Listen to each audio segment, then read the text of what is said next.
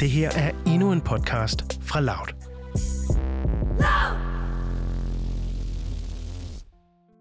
Mit navn er Anne Tranum, og jeg er 27 år gammel. Da mine forældre blev skilt, der var jeg 20, og jeg havde godt regnet den ud. Dog viste det sig, at jeg i tiden efter mistede min relation til min far.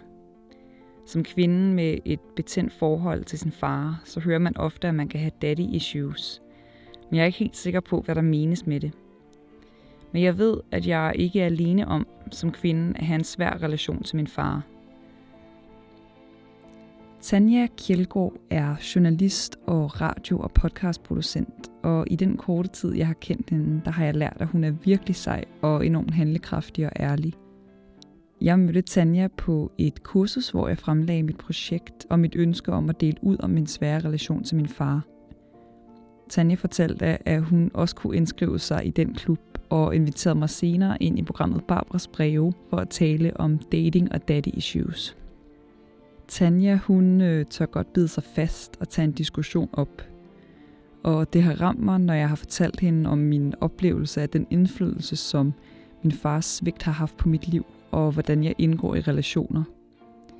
Hun har nemlig stillet spørgsmålstegn ved, hvor meget jeg egentlig kan skyde skylden på min far, når det kommer til måden, som jeg indgår i relationer.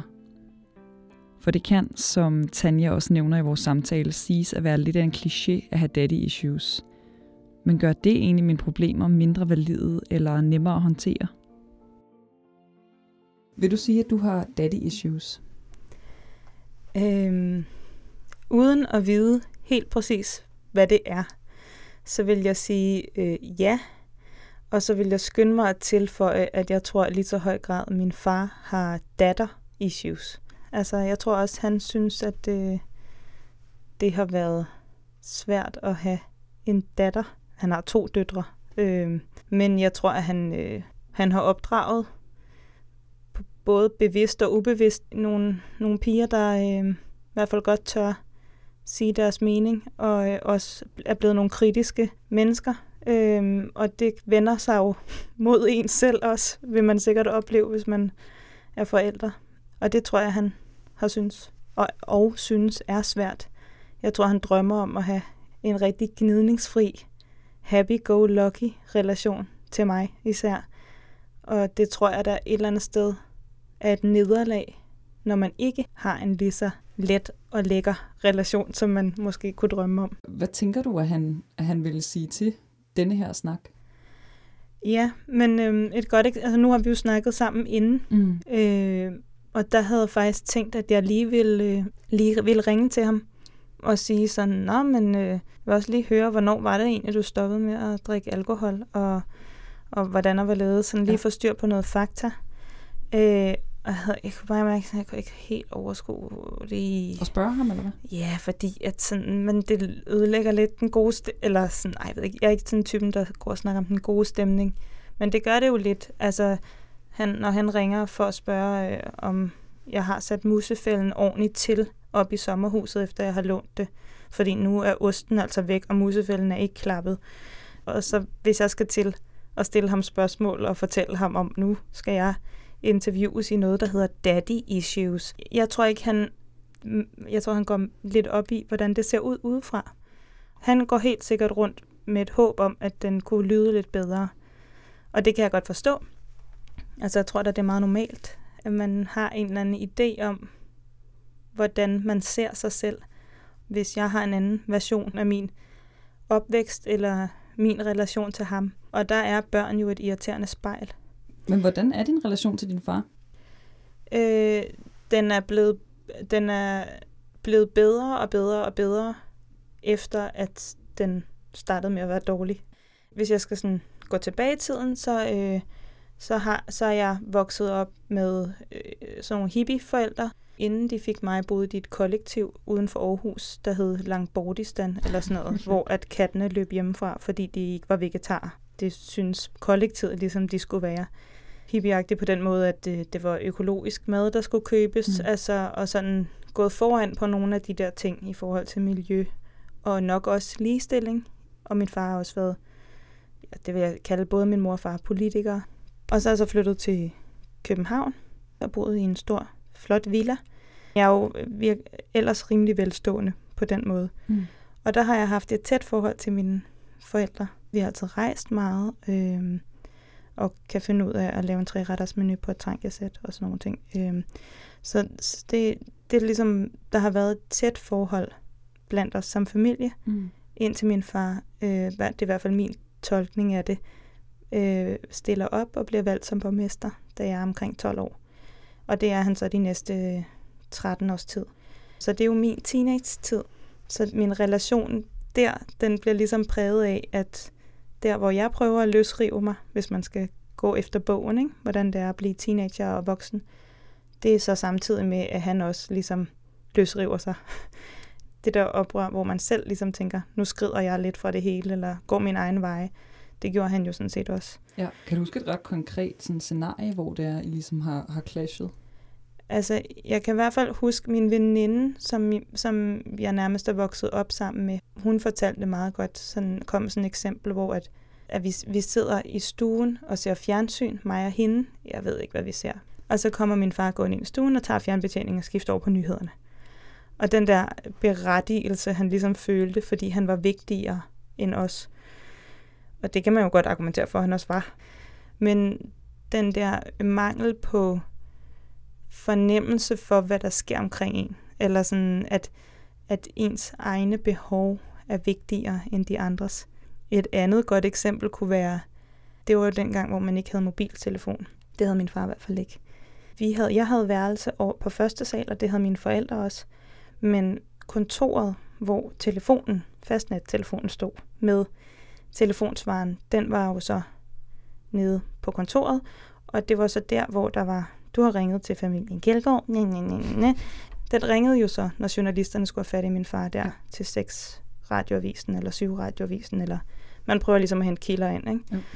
Øhm, og den, den skulle han jo så kunne høre, når han lå op i soveværelset. Det betød bare også, at hele familien jo blev vækket, hvor man måske har haft lidt sådan omsorg over for andre i husstanden, at vi ikke alle sammen skulle vækkes af en telefonsvarer, der spillede så højt, at man kunne høre den altså i hele bygningen. Ikke? Øhm, det er også et meget godt eksempel på, hvordan han ligesom har fyldt meget, eller hans behov har fyldt meget.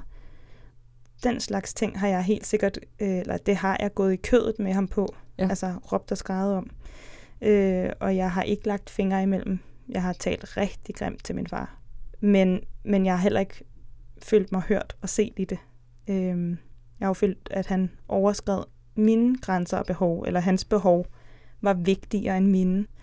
Øh, hvis man skal sætte, sætte kernen i mit daddy-issue, så er det jo nok det der med, at jeg kan mærke hans behov, før jeg kan mærke mine egne. Det, det i sig selv gør, at jeg synes, han er fucking irriterende. Ikke? Fordi at den er blevet internaliseret hos mig. Jeg, jeg skal jo ikke kunne påstå, om jeg altid føler rigtigt, hvad det er, han føler. Mm. Men det betyder noget med, at man er over i den anden. Ikke? Yes. Og man skal kæmpe for, at ens egne behov eller følelser skal have en plads Hvordan har det udmyndtet sig i, i forhold til ham? Den der, det lyder lidt som om, at der er opstået alligevel nogle clashes og nogle, lidt sådan nogle konkurrencer imellem jer.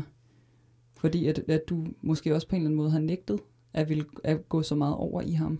Ja, mm, ja altså vi, har, vi konkurrerer jo i hvert fald, ikke? Altså, det er jo sådan, den, og den er der stadigvæk. Altså, Mm. Jeg tror, en, en af tingene, der er blevet lettere, er jo, når man helt fysisk fjerner sig. Jeg flyttede hjem fra, da jeg var 18, så blev jeg 19 kort efter, men der gik jeg stadig i gymnasiet. Det var, det var helt klart, der, der var der rigtig mange skænderier. Så tror jeg, at det der med at besidde et øh, politisk job, mm. der er på mange måder 24-7, gjorde jo også, at han brugte alkohol meget til at kunne koble af. Det kan man jo godt sætte sig ind i selv. Men det har i hvert fald betydet, at bølgerne er gået ekstra højt, øh, og der har været nogle voldsomme skænderier mellem mig og ham, som helt basalt nok har handlet om, at jeg har syntes, han har svigtet mig ved fysisk og mentalt ikke at være til stede. Øh, jeg vil gerne have ham til at indrømme, at han ikke har, altså, at han ikke er der. Og han vil gerne bekræftes i den anden historie, der handler om, jeg kan det hele, og jeg er en god far. Ja. Og jeg er også en god politiker. Altså sådan, og jeg synes sådan, det kan man ikke. Du kan ikke være det hele på én gang. Så jeg ville have følt mig meget mere set og respekteret, hvis han havde sagt, ja, men sådan her er mit liv, og jeg har truffet nogle beslutninger, som gør sådan og sådan. Er det den relation, I står i nu? Står I stadig i, det der, i den der limbo? Vi vil nok altid stå i, øh, i den, der handler om, at vi har to forskellige fortolkninger af, hvad der har gjort ondt øh, på hver af os igennem min opvækst. Den tror jeg aldrig, vi bliver helt enige om. Øh, men jeg tror, det at jeg altså, bruger jo mindre tid på ham, øh, end man gør, når man bor hjemme. Men øh, så den store forskel er også, at han, og jeg, nu skyder jeg altså igen, men jeg tror, det er fem år siden, at han stoppede helt med, måske længere, med, Alkohol. med alkoholen. Og det har jo været en kæmpe sejr for ham selv, tror jeg, men, men også en kæmpe sejr for os. Hvordan har, det, ja, hvordan har det ændret relationen, eller sådan dynamikkerne? Jeg synes bare, at han kan jo se sig selv i, altså, nu taler jeg på hans vegne, ikke? men mm. altså, han, han er jo meget rar at være sammen med, øh, og han tager meget mere ansvar for sin opførsel. Det gør man ikke, når man, når man laver sådan nogle ting, hvor man er faldet på cykel på vej hjem, øh, og altså, opfører sig helt mærkeligt. Ens mor skrider og siger sådan, det må du selv rode dig ud af, det der. Og så står man med sådan en snøvlende far, der sådan, ja, man kan jo ikke rigtig skride, vel, for man er også et, Selvom det på et eller andet plan et lojalt barn, ikke? Præcis. Altså, så øhm, de der ting, altså det har i hvert fald været sådan et, en ændring, vi har taget, det har taget lang tid for os, taler jeg for mig og min søster, mm. men i hvert fald for mig, at være sikker på, at han var stoppet rigtigt mere end et halvt år eller sådan, ikke? Jo. Så det har helt klart betydet noget. Der er genvundet en meget stor portion tillid. Øhm, men jeg, jeg vil altid konkurrere med ham. Ja. Altså det tror jeg, det er helt ned til sådan nogle ting, som hvem cykler hurtigst, eller altså, og det er sådan nogle banale ting, eller sådan, når han nogle gange får sagt, hvis jeg deler noget med ham, så skal han lige fortælle, at det har han også prøvet, eller det er han bedre til, eller han kender også nogen, der kender nogen, ja. eller han er den bedste til computer, eller altså sådan nogle random ting, som bare sådan, som i min optik handler om lavt selvværd, som jeg desværre også lider af, og det gør det jo endnu værre, ikke? Jo, præcis. Noget af det, som du jo har med din far med, og ligesom at have mere eller mindre droppet kontakten mere eller mindre frivilligt, den har jeg i hvert fald også blevet foreslået. Lad være med at forvente noget af din far, du ikke får, fordi så kan du ikke blive skuffet. Ja, og så tog du en øh, periode, eller hvad? Ja, så har jeg sådan haft sådan nogle mere eller mindre konfliktfyldte perioder, eller hvor jeg sådan har prøvet at skubbe ham væk. Jeg er sådan rimelig meget no bullshit. Jeg vil gerne, altså jeg kan godt stå og råbe på en restaurant, hvis det skulle være. Eller det der med, når man har fået en en ny kone, der tror jeg, at min far har håbet på, at jeg ikke ville tage en konflikt, øh, fordi at så var der nogle andre. Ja. Og der er jeg sådan, du er ikke fredet. Altså sådan, det er jo hans håb om, at, at det kunne være rart, og det kunne være roligt. Og hans, ja, ja, præcis. Ikke? Og der er sådan lidt, niks, jeg tager altså meget konfliktsøgende på den måde. Altså, så lad os tage den. Men så jeg havde den der med sådan, og så prøvede jeg ligesom på hans projekt, sådan føltes det i hvert fald, da jeg var sådan start af 20'erne, og så gå ud og spise middag, og så bare sådan vente på, at han spurgte til, hvordan det gik. Ja, præcis. Mig, så kunne du sidde og være stille indtil, ja. så du ikke skulle sidde og, sådan, og, og der, Jeg har sådan nogle samtidig. minder om, at han ikke opdagede, at jeg slet ikke selv delte, eller selv, altså, altså det var ret chokerende at opleve, at man kunne godt køre den et stykke hen ad vejen. Ja, man havde lyst til at sige det sidste, nu vi faktisk siddet to timer, uden at du har spurgt ind til mig. Præcis. Ja, eller hvor at du ikke hvor at jeg testede ham også meget sådan, den der måde med sådan, hvad ved du egentlig? Ved du, hvad mine venner hedder? Eller sådan, hvad ved du egentlig, der sker i mit liv? Eller har du husket den der dato? Eller sådan, ikke? Ja. Øhm, så man havde sådan en checklist af, hvornår får han spurgt? Eller sådan, ikke? Men fandt du bare ud af, at det for dig selv ikke, ikke var den, den rare måde at have Jeg tror, jeg har gjort flere modeller, ikke? så har jeg ikke selv kunne holde det ud, og så er jeg endt med at sige det, det der, som man havde tænkt sig, man skulle sige. Så jeg tror, min konklusion, i hvert fald i min for, mit forhold til min far, er, altså jeg gider ikke bruge tid på folk, som jeg ikke har et tæt forhold til, eller som jeg har et ærligt forhold til. Så selvom at min far sikkert synes, jeg er fucking irriterende og går over grænsen og siger ting, jeg ikke skal sige, og forholder mig til ham på alle mulige måder, så ved jeg i hvert fald også, at jeg har en ærlig relation til ham, forstået på den måde, at han er ikke særlig tit i tvivl om, hvad jeg mener og tænker, og jeg vil ikke kunne finde ud af det der med, fordi jeg har lyst til at forvente noget af ham. Det er jo det, du har lyst til at være i relationen til ham. Altså hvis jeg opgav, hvis jeg bare havde sådan hygge, øh, et eller andet, altså du ved sådan noget, hvor man sådan kom en gang om måneden og spiste, og så snakkede om, hvad for noget det hvad ved jeg ikke, hvordan går det med coronatallene, eller hvad man nu snakker om nu til dag, som er sådan lidt overfladisk. Det vil jeg ikke kunne være i. Jeg er også dårlig til small talk og sådan noget. Jeg, jeg kan ikke finde ud af det. Øh, men det, jeg synes bare sådan, når folk har sagt det der, så lad være med at forvente noget. Så bliver du ikke skuffet. Nej, men så skal jeg bare, så skal jeg også lade være med at se ham. For dig er det en enten eller med din ja, far? fordi jeg kan ikke finde ud af at sidde en hel aften ikke at forvente noget af nogen. Mm. Det synes jeg fandme underligt. Altså du åbnede jo op øh, for min egen tale omkring mine svære øh, farrelationer, øh, fordi du interviewede mig til et program i, i Barbaras breve, som mm. omhandlede dating og daddy issues. Så jeg fik jo bare lyst til lidt at vende mikrofonen den anden vej. Øh, ja. Jeg fik lyst til at spørge, hvordan du selv oplever øh, dine daddy issues udspille sig i, i romantiske relationer.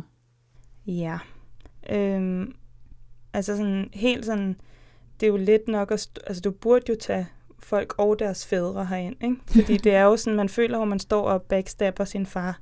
Så det der med, hvor meget jeg kan tvære af på ham, men jeg kan hvert Ja, det var ret se... interessant. Det stillede du op, da vi snakkede sammen også. Der sagde du nemlig det der med, hvor meget kan man reelt øh, skyde skylden på sin far, og hvor meget altså, er jo kun op til en selv ligesom at rode sig ud af. Hvad, hvad har du tænkt dig tanker omkring det? Fordi, fordi det stak i ja. mig.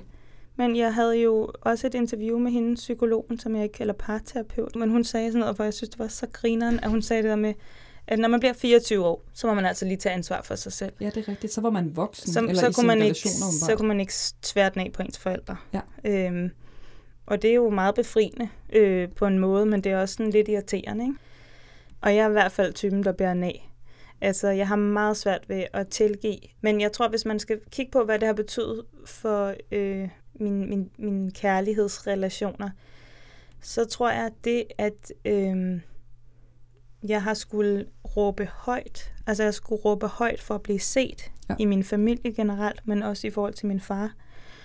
Øh, og han har øh, i mine øjne også haft noget vigtigere, og nogle gange noget, altså noget, jeg godt kan se, når man sådan jeg skal lige lægge, øh, være med til at lægge Københavns Kommunes politik for de næste fire år, eller sådan noget. Så kan det være lidt svært at sige sådan, Nå, jeg har bare lidt ondt i maven. Eller, altså sådan, og, og der tror jeg helt klart, at min måde at reagere på, som også smitter af på mine kærlighedsrelationer, den er meget sådan, øh, jeg kan kun mærke, at jeg betyder noget, hvis der er sådan en konflikt. Så jeg opsøger meget konflikterne, øh, fordi det er der, man kan, hvis der er nogen, der gider skændes med en, eller smæk med dørene, eller et eller andet. Så er der noget, der, hvad hedder sådan noget, øh, så er der noget, så er det vigtigt, ikke? Ja, ja. Så kan du mærke det hele, ikke? Jo. Og så tror jeg også, at jeg har sådan en, hvis du ikke af dig selv giver, giver mig opmærksomhed, eller sådan, man skal være overbevisende, øh, så, øh, så kan det kraftede mig også bare være lige meget, og så er du heller ikke vigtig. Mm. Den der ligeværdighed har jeg haft rigtig store problemer med at finde. Altså fordi jeg enten propper folk op på en pedestal, som jeg er meget interesseret i. Jeg tror, at de fleste har en anden idé om, at det giver meget god mening, at være, hvis man er forelsket eller fascineret af nogen, at man så tænker højt om dem. Men det kan bare også være rigtig problematisk. Sårbart også. Ja, fordi at, at det, den der pedestal, jeg får proppet folk op på, øhm, den vil jeg jo gerne have dem ned fra. Altså fordi at det, det, at de er over mig, betyder jo også, at jeg ser ned på mig selv. Så derfor så går jeg jo lige kødet på med at pille dem ned. Og de ved jo ikke nødvendigvis. De føler jo ikke nødvendigvis, de er bedre end mig. Men den der, du skal med ikke tro, du er noget. Øh, altså jeg er sådan en jantelovsdater, tror jeg. Og grunden til, at det fungerer, tror jeg, en af grundene til, at det fungerer nu. Ja, nu altså, har fordi, du din, nu har jeg, din indiske prins. Nu har jeg min indiske prins. Øh, og, og det var en af de, de tidlige ting, hvor at jeg skulle, og det kan jeg næsten give dig det råd, hvis jeg skal give et råd. Jamen, det er altid godt med råd. Ja, jeg elsker at give råd. Øhm, men det tror jeg er det der med, at øhm, ture indrømme, at man er fucking sårbar. Og det er så ubehageligt, fordi man kan jo, altså det, jeg har jo kæmpet øh, for ikke at ende et sted, hvor jeg kunne blive svigtet. Ikke? Altså det er jo det der grundsvigt, man kæmper imod i de der Præcis. romantiske relationer men det der med at indrømme, jeg har brug for rigtig meget bekræftelse. Og hvis du ikke skynder dig at give mig den, så stikker det af for mig. Altså så har jeg allerede haft diskussionen og skænderiet inde i hovedet med... Tankespillet. Ja, så stikker det af. Og det fik jeg heldigvis med ham her fortalt rimelig tidligt. Og han kunne bare sige sådan, no worries, your catch. Øh, men jeg synes, det var pinligt at indrømme, og jeg, og jeg synes også, altså han synes også, det var irriterende. Var det den første relation, hvor du, altså hvor du var, var ærlig omkring det? Ja, det tror jeg. Hvor jeg, hvor jeg blev nødt til at se mig selv i øjnene. Øh, eller man prøver jo at undgå at blive såret. Det er jo helt klichéagtigt. Det er nok også det, jeg har den største aversion. Bare det der med at skulle sige, jeg har nogle issues med min far. Når man har siddet til de her psykologer eller sådan noget, og så kan de fornemme sådan, og så vil de grave. Og man bare sådan, prøv her, jeg ved sgu da godt, at jeg er den største kliché i verden. Min far har bare vundet, hvis jeg også sidder henne til psykologen og snakker om det. Ikke? Altså bare sådan, det gider jeg ikke. Jeg, altså, jeg er over det, jeg er videre, og det er jeg bare ikke altid, vel? Og du har alligevel været nødt til så at sætte i øjnene der, for rent faktisk at komme tæt på, på din Jamen, kæreste. jeg tror bare ikke, jeg har pakket det ind i, at det var et daddy issue. Altså, det har været lettere at tænke på det som om sådan, okay, jeg ved godt, at jeg, øh, at jeg er i virkeligheden mere usikker og mere sårbar. Men folk behandler jo også en bedre, hvis man ikke øh, spiller spillet og spiller smart. Min bedste veninde sagde til mig sådan, Tanja, altså, øh, altså kærlighed er jo ikke en konkurrence. Og det er sådan lidt, nej, men, men det er det bare. Eller sådan, altså, Det der er jo, og det er det jo især, når det er dating, ikke? Hvem skriver først, hvem skriver tilbage og sådan noget. Og jeg er sådan lidt, nå, fuck det. Jeg gider ikke det der pis, så jeg skriver. Ja. Øh, og det vil jeg også altid til enhver tid opfordre folk til at gøre. Men, men det er mere, måske mere, hvad man så skriver. Så i stedet for at skrive de der sådan, nej, det er hvad, et eller andet overfladisk, i stedet for bare at skrive, jeg er super nervøs over, om du har lyst til at se mig igen. Altså ja, for mig bliver det hele bare et spil. Altså, og det er konstant sårbarheden, jeg har svært ved. Ja. Altså netop det der med bare at være ærlig og egentlig sige, hey, jeg synes, du er nice, så lad os lige snakke noget mere.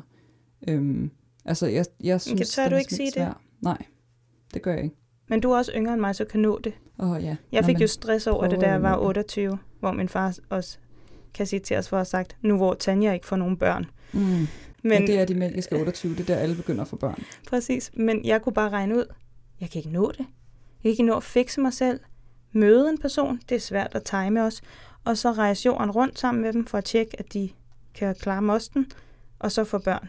Jeg synes ikke nå. Nej, altså, men øh, det, der tænker jeg altid på Friends med Rachel, der sidder ved, ved hendes meget unge kæreste, og sidder og tæller ordentligt igennem, og sidder og kommer tættere og tættere på, at hun jo skal droppe ham, fordi at de kan jo ikke nå, altså hun kan ikke nå, han kan ikke nå at blive voksen, Nej. øh, og så de kan få børn, inden når hun er den og den alder. Ja. Jeg kom til at tænke på, hvad er drømmescenariet i, i din og din fars relation? Øhm, ja.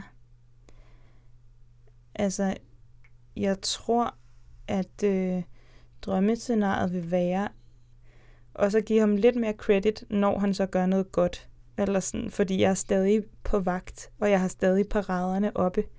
Og så, øhm, og så tror jeg, at drømmescenariet er, altså det, det er i hvert fald, når jeg har drømt om at skulle have børn selv, så har jeg haft sådan en, ej, altså han skal bare ikke, altså sådan, sådan som om, så har man sådan noget leverage, ikke? Altså man ved bare, at bedsteforældre, de vil her gerne passe de der børn. Og det tænker du godt, han vil, han vil gerne være der, når Han det vil er her for gerne passe de der børn, men jeg kan mærke sådan, han skal ikke have lov til at overskride deres grænser med sådan noget, nej, vandet er ikke koldt, eller nej, nej, du kan godt komme længere ud, for jeg har dig. De der ting, hvor jeg kan mærke, at jeg har fået, jeg ikke er blevet lyttet til, eller passet på, eller sådan, hvor jeg har skulle, Hvor han skaber din sandhed på en eller anden ja, måde. hvor i stedet for at lære at lytte, det er noget af det bedste, man kan give et barn, tror jeg, sådan, at lære dem at lytte til deres egne behov og grænser, og sådan at give udtryk for det. Ikke? Der er nogle ting, han ikke skal have lov til at gentage. Drømmescenariet er, at jeg tænker, okay, jeg gør det tingene på min måde, med mine børn, hvis jeg får dem, og så, øh, så må jeg opdrage dem til selv at lære at sige, nej, Nej tak, morfar. Ja, præcis. Og så tror jeg, jeg vil ønske, at jeg ikke øh, konkurrerede med ham stadigvæk. Altså, fordi det er det, jeg gør. Øhm, så det, jeg kunne godt tænke mig, at vi kunne nå til et sted, hvor vi kunne trække det der crap væk, og så bare ligesom være. Vi har meget at give hinanden, og jeg synes også, at han er sej på mange måder. Han har meget drive, og det, det kan jeg godt lide, når folk har lidt ild i røven. Jeg blev overraskende påvirket af min samtale med Tanja, øh, mere end jeg egentlig havde regnet med. Måske blev jeg mest ramt af det faktum, at hun satte spørgsmålstegn ved noget, som jeg har brugt meget energi på, nemlig at være vred på min far øhm, og dykke ned i, hvordan min følelse af ikke at blive set og hørt og skulle kæmpe for opmærksomhed har påvirket, hvordan jeg indgår i mine relationer. Jeg har måttet tænke over, hvorfor det var, at jeg følte mig ramt. Og jeg tror, at det skyldes, at jeg jo til dels ved, at hun har ret. Det er bare nemmere for mig at holde fast i vreden, og som hun selv nævner, er det altid nemmere at skyde skylden på andre, end at erkende sin egen sårbarhed. Jeg respekterer virkelig måden, som Tanja har kæmpet for at få en relation til sin far, hvor hun selv føler, at hun kan være. Jeg kæmper rigtig meget med at finde ud af, hvordan jeg selv har det bedste relation til min far. Og det er skide hårdt. Men jeg ved, at relationer er i konstant forandring. Øhm, og det er okay at tage det i sit eget tempo. Jeg hæftede mig ved, at Tanja ligesom Rikke understregede vigtigheden i at være sårbar og være ærlig om sin egen sårbarhed. En ting, der er enormt svært, hvis man som mig lider af dårlig selvværd. Men måske jeg ved at acceptere min egen usikkerhed, også kan acceptere min fars. Og rent faktisk, som Tanja også stillede op som sit drømmescenarie, at kunne anerkende ham for, hvem han er, og hvad han overgår at byde ind med. Men hold op, hvor er det en hård proces og en svær balance at mestre. Både se mine egne problemer i øjnene, og samtidig heller ikke lade dem guide mit liv og blive helt handlingslammet, som jeg har en tendens til at gøre. I næste afsnit, der taler jeg med Dorte Palle, øh, som gennem årene har været inde over utallige radioproduktioner. Hun er seriøst en go-getter og lader i min øjne ikke noget stå i vejen for sin drømme. Dorte har haft et turbulent forhold til sin far, som hun til med mistede i en meget ung alder. Vi taler om hendes opfattelse af hende og hendes fars relation, og hvordan den har påvirket hendes karriere og kreativitet.